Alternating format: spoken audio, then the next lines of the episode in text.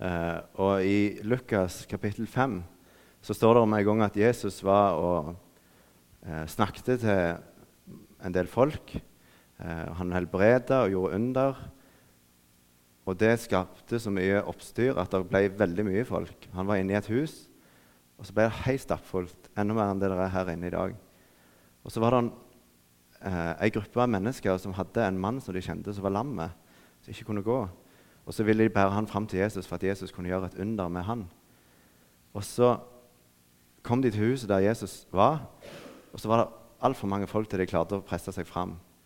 Så de klatra opp på taket og drog med seg denne mannen på ei båre. Jeg vet ikke hvor lett det kan ha vært. Men de kom seg opp på taket med mannen på båra, og så står det at de tok vekk takstein. Og så plutselig bam, så kom han ned fra taket i ei, eh, i ei, på ei båre rett framfor Jesus. Og så forstår jo Jesus selvfølgelig hva det er som skjer. Han ser jo, kjenner alle. Um, og så ser han at han er lam, og så står det at uh, Jesus helbreder han. Uh, men det som er veldig spesielt med den historien, syns jeg, er det Jesus sier uh, på slutten der. Så sier han når, når Jesus så trua til de som bar mannen, så, det, så sier han til mannen dine synder er deg tilgitt. Den mannen klarte ikke å komme seg sjøl til Jesus, men han hadde noen andre med, til å gjøre det for han. Og så sier Jesus at han så deres tru, de som bar. Og så sier han dine synder er deg tilgitt, til mannen som ble båren. Og Det syns jeg er en veldig fin ting å tenke på når vi bærer ungene våre til dåpen. Eller vi kan bære hverandre i tru som i en forsamling, eller uansett hvem det måtte være. Så kan vi bære hverandre til Jesus. Og så er det han som griper inn og gjør under. Og Litt på sida av det som er talen i dag, men jeg har lyst til å si det likevel, siden det var dåp i dag. Eh, jeg skal lese en tekst fra Jesaja 65 før jeg ber videre. Jeg bød meg fram for den som ikke spurte. Jeg var å finne for dem som ikke søkte meg. Jeg sa til et hedningefolk som ikke var kalt med mitt navn. Se, her er jeg, her er jeg. Hele dagen bretter jeg ut mine hender til et gjenstridig folk, som går på en vei som ikke er god som følger sine egne tanker, til et folk som stadig krenker meg rett opp i ansiktet, som ofrer i hagene og brenner røkelse på teglsteinene, som sitter i gravene og overnatter i avkrokene, som eter svinekjøtt og har sine kar fulle av avskyelig suppe, som sier, 'Hold deg unna, kom ikke nær meg, for jeg er hellig for deg.' Disse er en røk i min nese, en ild som brenner hele dagen. Hele dagen bretter jeg ut mine hender til et gjenstridig folk. Kjære himmelske Far. Du er for evig den samme. Du er allmektig. Du har skapt oss, og du har skapt verden og universet. Du, vi er her på grunn av at du ville det. Vi finnes fordi at du ville det. Og så har du gitt dere ditt ord og så virker du i dag akkurat som du gjorde for 1000 år siden, 2000 år siden og langt tilbake i tid. Må du gripe inn òg nå eh, med de ordene som du har lagt meg på hjertet, og la det bli liv både for meg og for de andre som hører på her. Jeg ber i ditt navn. Amen. Jeg skal fortelle en historie som jeg tror kanskje jeg har fortalt før. Men det bryr meg ikke så veldig mye om. For jeg syns det er en god historie likevel. Eh, jeg og brødrene mine vi lekte mye langs ei elv hjemme der jeg vokste opp. Og da, Den elva fører ned til en kraftstasjon. Eh, og da er det sånn at De regulerer den elva alt etter hvor mye vann det er i elva. Hvor mye de trenger på kraftstasjonen. Eh, og I tillegg så er det jo som kjent ganske mye regn i Rogaland. Så det blir av og til veldig mye vann i den elva. Eh, og det likte vi veldig godt, egentlig. For det, hvis det ble veldig mye vann i elva, og de da senkte og stengte igjen, eller det faktisk var litt finvær en stund, så ble det litt mindre vann, så sank vannstanden.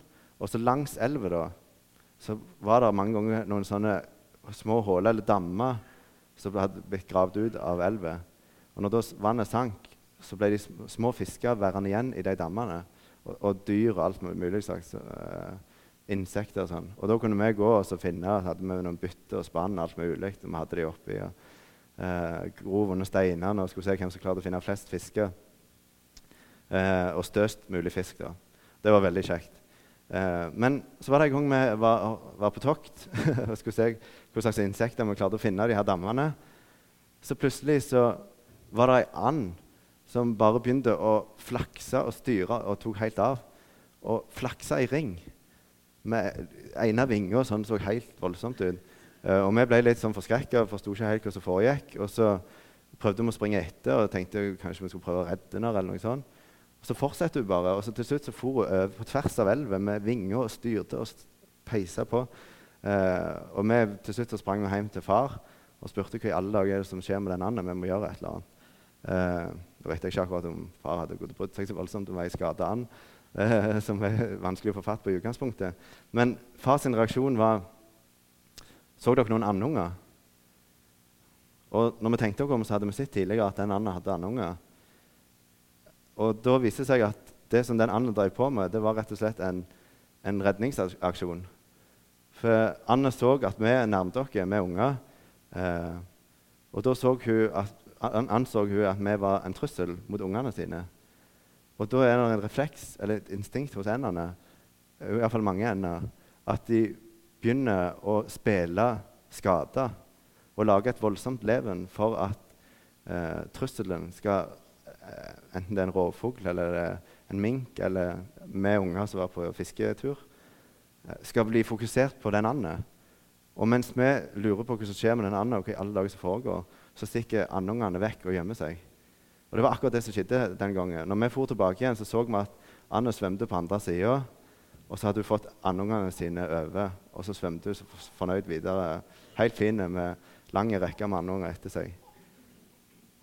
Anne eh, vet å redde andungene sine. Det er ganske stilig å se på. Så hvis dere ikke sitter det noen gang, så får dere gå på fisketur og se om dere å skremme opp ei and med andunger.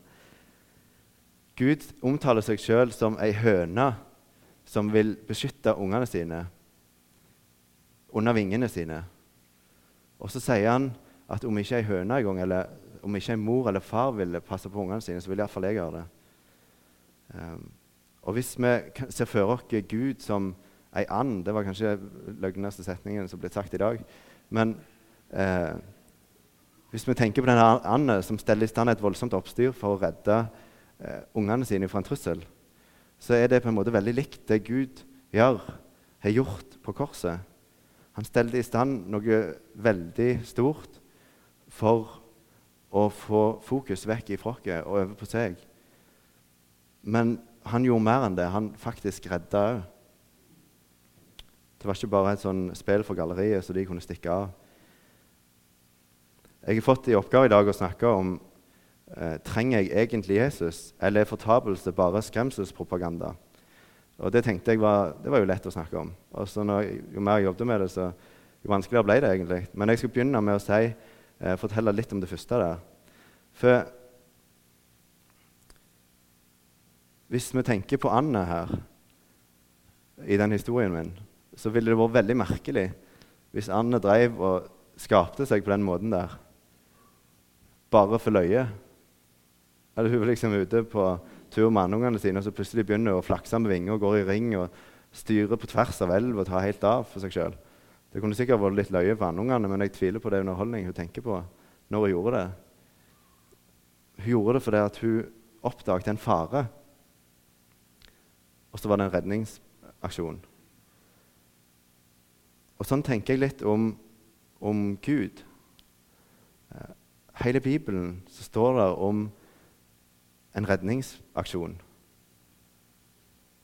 Gud, I julen så feirer vi at Jesus ble menneske. Gud ble til det som han sjøl hadde skapt. Det høres veldig merkelig ut i seg sjøl hvis vi ser for oss at vi skriver et brev eller lager et eller annet i, eh, med plastelina eller hva det måtte være. Så er det merkelig å se for seg at du skal kunne bli til noe av det du sjøl lager. Men for Gud er alt mulig. Og han gjorde det for han så at det var eneste måten å kunne redde sine andunger. Og han gjorde det for han så en trussel, en reell trussel. Jeg tror ikke han hadde gått og stelt i stand alt det hvis det var bare for tull eller for løye. Han kjeda seg, liksom. Det virker ikke som Gud kjeder seg når han, eller kjeder seg når vi ser på alt det han har skapt, og alle de menneskene han har skapt, ikke minst. Um, han gjorde det for han så en reell trussel. Vi tenker på påsken med, med korsfestelsen og oppstandelsen. Han for opp til himmelen, og alt han gjorde, så gjorde han det av en grunn. Hele den røde tråden i Bibelen eh, vil jeg si hadde vært helt uten mening hvis det ikke var for at det var en reell trussel som Gud så og handla på. Igjen kan vi tenke på Anne. Det hadde vært veldig merkelig hvis Anne bare drev og styrte seg eh, og holdt på med å spille skader hvis det kun var for løye. Eh, I femte Mosebok, eh, i kapittel 30 og fra vers 19, vers 19, så ser vi hvordan Gud opererer. Han sier f.eks. 5. Mosebok 30, eh, vers 19. Jeg tar i dag himmelen og jorden til vitne mot dere. Liv og døden har jeg fram for deg, velsignelsen og forbannelsen. Velg da livet, så du kan få leve, du og din ett. Av og til her på jorda så kan vi oppleve at, vi, at mennesker, spesielt hvis det er snakk om kjøp og salg av ting, reklame og sånn. På radioen kan du av og til høre at de reklamerer for ting, og så snakker de veldig seint når de kommer med det som skal være bra, og så snakker de veldig fort på slutten når de kommer med alle betingelser og sånne ting som kan være veldig dårlig for deg. da. Og så regner de med at du egentlig ikke får med deg det, men at du fokuserer på den første delen av reklamen. Eller så kan du oppleve at du kjøper en bil eller et hus, eller hva det måtte være, og så er det noe som sto med liten skrift en eller annen plass, gjemt vekk, som du ikke så. Eller det ikke blir opplyst om i det hele tatt. Eh, vi mennesker kan være litt sånn at vi frister av og til til å ta vekk det som er ubehagelig, og så håpe at det går bra. Jesus, Gud, han opererer ikke på den måten, for han vil ikke lure noen. Han, I Bibelen, allerede her, helt i begynnelsen av, så snakker han om en redningsplan. Og så snakker han om en reell fare. Uh, at det fins to utganger på livet. Det er noe som man ikke prøver å gjemme vekk. Det, vi ser det hele veien gjennom Bibelen. At han steller i stand alt mulig løye for at det er to utganger på livet. Og så har han en redningsplan. Eh, og så er det noen veldig gode nyheter midt i det. Og det er det som er hele poenget hans. Han ser faren, og så kjenner han òg til redningen. Og det er han sjøl som skal ordne den. Og det er veldig gode nyheter. Men for at, skal, at vi skal måtte, ville ta imot det, så vil han òg presentere hele sannheten. At det er en reell fare for oss som er andungene hans, eh, hvis vi følger det bildet ennå. Og så er det en ting til eh, som han er ærlig med. Og det er det med at når vi tar imot Jesus, eh, livet med han, skulle vi ønske mange ganger at det var lett men han er òg ganske tydelig på at faktisk selv om du tar imot redningen, så betyr ikke det at livet ditt her på jorda nødvendigvis blir en dans på roser. Han snakker om en, en trang, eh, om en smal vei. Og han snakker om at hvis de forfulgte meg, så vil de iallfall forfølge dere. Så han er på en måte ærlig helt fra starten av. Det er en fare for alle. Jeg har en redningsplan, og den redningsplanen eh, medfører at dere kanskje vil oppleve mer smerte en stund. Men det er fordi det er noe godt i vente. Noe så uendelig mye bedre enn det dere klarer å forestille, forestille dere. Men dere skal være klar over her er det som kommer til å møte dere. Sånn at når dere da tar imot det og begynner å gå på veien, så vil dere ikke få sjokk. For det er ubehagelig å få sjokk hvis det er noe som har stått med liten skrift, når du kjøper et, eller annet, eller hvis du eh, Ja, uansett hva det måtte være. Det kan være ubehagelig. Men Gud vil være ærlig med oss helt i begynnelsen av. Og så har han gitt dere sin bok, sin, sin, sitt ord, der det står svart på hvitt, som vi kan få vite uten å eh, oppleve noen ubehageligheter. Og så sier han selvfølgelig at han vil gå med oss på veien. Og hvis vi søker hans sitt rike først, så skal alt det andre komme i tillegg. Så midt i Det ser vi også David sier i salmer. Eh, eh, 'Herren er min hyrde, jeg mangler ingenting'. Og Det er en flott salme, men der snakker han om å gå i dødsskyggens dal. Men så er Gud med han. Og så sier han òg at, at 'du dekker bord for meg like for mine fiender'. Det er en veldig flott setning. Men der er det faktisk snakk om at han er rett ansikt til ansikt med noen fiender. Men så sier han samtidig at selv om han er det, så, han, så blir han dekt bord for rett ansikt til ansikt med fienden. Og Det er det som er den litt merkelige tingen med, kristen, med det å være en kristen. At du kan møte vanskeligheter, men så vil han dekke bord for deg midt i vanskelighetene. Og så er det gulrot til slutt. og Det er det evige livet i himmelen hos Gud. Eh, er fortapelse bare skremselspropaganda? Da er jo mitt klare svar sånn som jeg tenker, nei. Det hadde ikke vært poeng med hele opplegget her i Bibelen. Og det er Gud selv i hvis det ikke var for at, var, at fortapelsen var en reell mulighet for utgangen på livet. Men så er det gode nyheter. Gud eh, har jo som kjent eh, stelt i stand en redningsaksjon.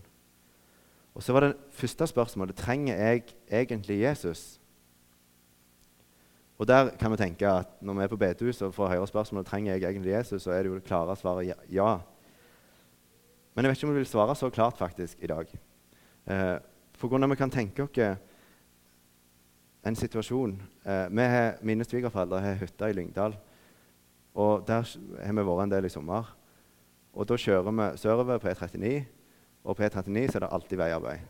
Og Så møter du et rødt lys, og så må du stå og vente i fem minutter. og Så går det i 50, og så må du ta en omvei.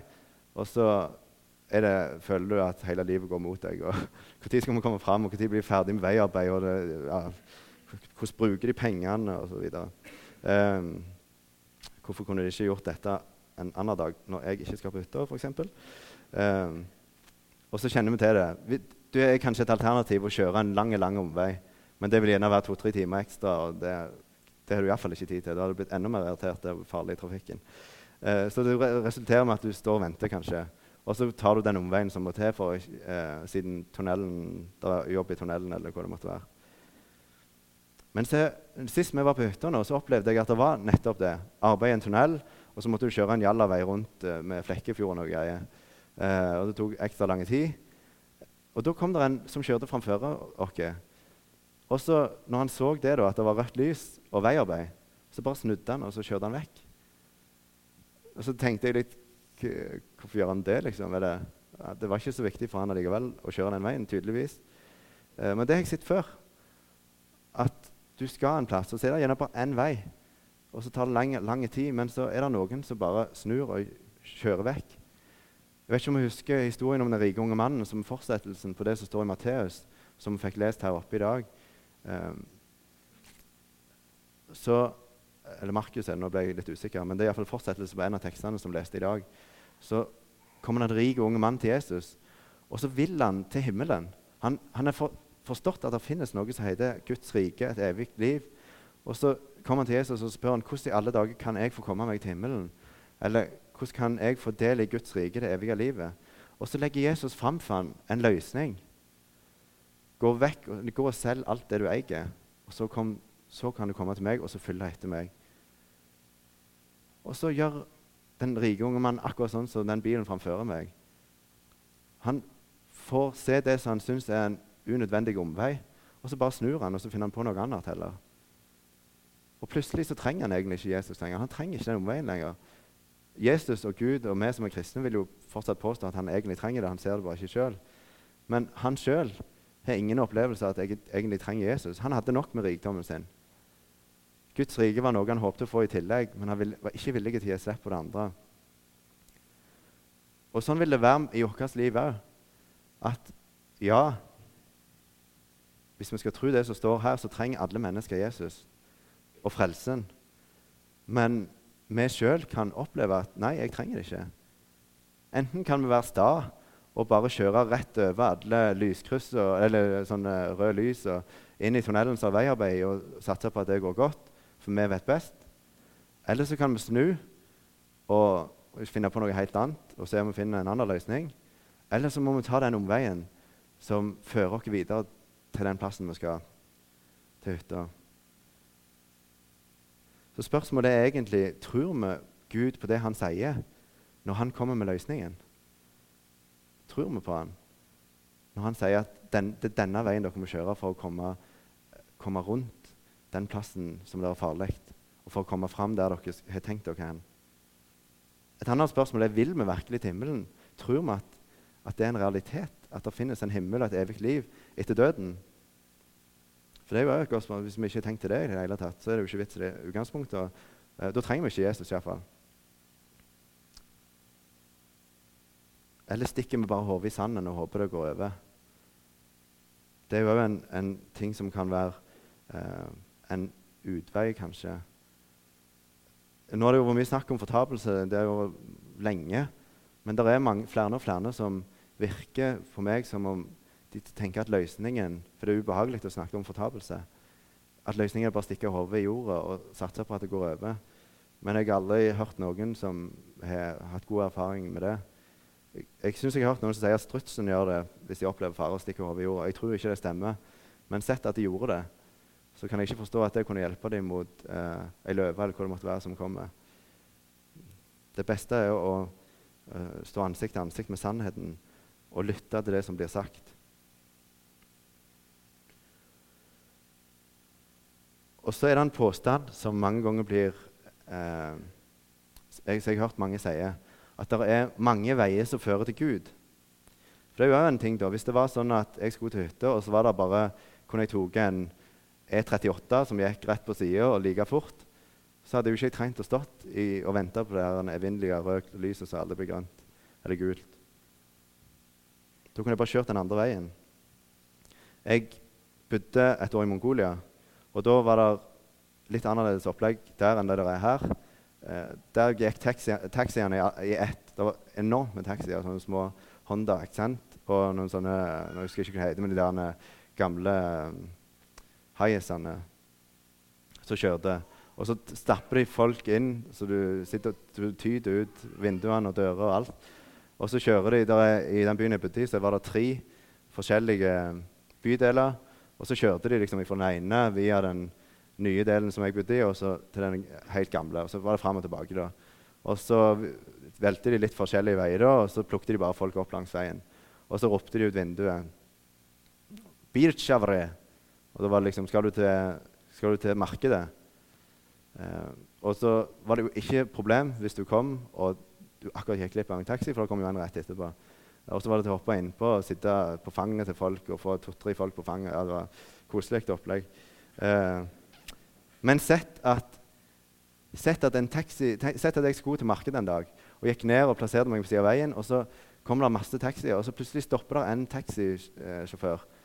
Og så bare begynner han å, å, springe etter meg og virkelig ta fatt på meg og, og dra meg inn i taxien sin og si du må være med meg, for jeg skal til markedet.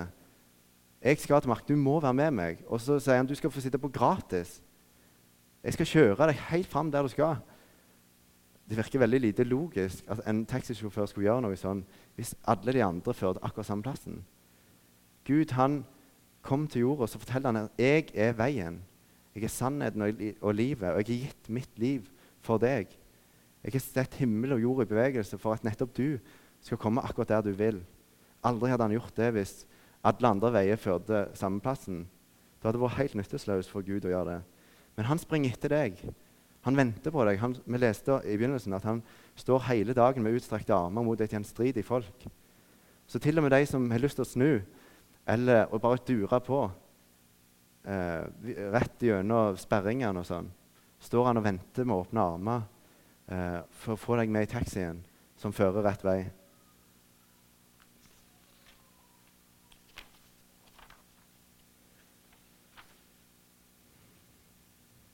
Og så ikke bare sier han at han er veien. Han sier òg at han er døra. Jeg kjenner noen som skulle reise på hytta med familien, med små unger. Og så kom de fram til hytta, de hadde kjørt i to-tre timer. Og så kom de fram til hytta, og så fant de ut at de hadde tatt med feil nøkkelknippe. Og så var det ikke lagt ut nøkkel på, på hytta. Og så vågte de ikke bryte seg inn, for det var ikke deres hytte. Uh, det var ikke en kjekk opplevelse. De hadde et nøkkelknippe med mange nøkler på. Og da hjalp det de svært lite. Uansett hvor fancy og fine de nøklene var. Så den ene nøkkelen som de trengte, mangla de. Jesus sier at 'jeg er døra'. Ikke bare er jeg nøkkelen, jeg er til og med døra som du må gå gjennom, og veien der. Og jeg har gjort alt som skal til for at du skal komme deg inn i bilen som går opp den veien. Jeg har gjort alt. Vi snakket om å bære ungene til dåpen. Det er nettopp det Jesus vil gjøre for meg og deg. Han vil bære oss helt hjem. Den rike unge mannen kan vi av og til kjenne oss igjen i, kanskje. Han fikk presentert himmelen, og så fikk han høre om en løsning. Og så takket han nei, for han hadde så mye annet som sto på. Av og til kan vi kanskje kjenne det sånn i vårt liv òg, at vi ikke passer inn. I en forsamling så kan det veldig fort være at vi, vi ser på de andre, og så sammenligner vi oss. Og så, ser, så trykker vi oss sjøl kanskje ned, og så skaper vi de andre om til et litt glansbilde. Og så, og så kjenner vi oss ikke hjemme. Og så hører vi om det å leve som en kristen, og så føler vi kanskje ikke at vi strekker til der. Og så kan det føre til mismot og tvil, kanskje. Og så begynner du å lure på er jeg som han, som han er her, som bare takker nei. Er jeg god nok? Gjør jeg det som skal til for at jeg skal nå til, fram til himmelen? Og så kan du sitte og regne på hvor mange ganger du har lest Bibelen eller bedt. Og så er det ingen tvil om at det er en god ting å be og lese Bibelen når vi trenger å få påfyll. Men det er det som nettopp er de gode nyhetene. At, at Gud kommer og så sier han at du trenger å reddes. Jeg ser en fare. Du, ser, du forstår det ikke sjøl, kanskje. Men jeg har redda deg allerede før du forsto det. Så er hele planen klar. Og det eneste du trenger å gjøre, er å la deg bli båren. Det tenker jeg mange ganger på ungene. som Av og til må vi bære dem på do på natten eller sove inn i bilen. Og så ligger de bare helt sånn, og så, og så, vi, så gjør vi alt som skal til. Vi tar av de klærne og tar på igjen. Og så bærer de inn i senga, og så kan de snu seg og sove videre. Og så får vi alt arbeidet. Og sånn er Jesus med deg. Du får komme akkurat sånn som du er med din historie. Det er veldig lett å tenke at med den bakgrunnen jeg hadde folk bare visst hva jeg egentlig tenker eller har gjort tidligere Hvis, hvis jeg skulle stått fram her og bretta ut livet mitt, så hadde folk forstått at jeg hører ikke til her.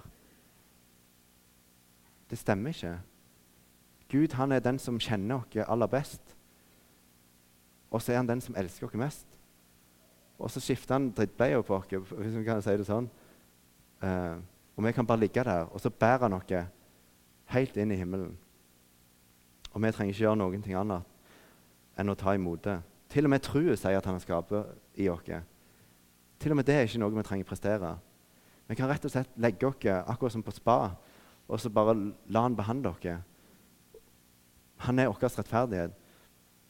Og så sier han til og med at han er livet vårt òg. Vi forstår at vi trenger Jesus.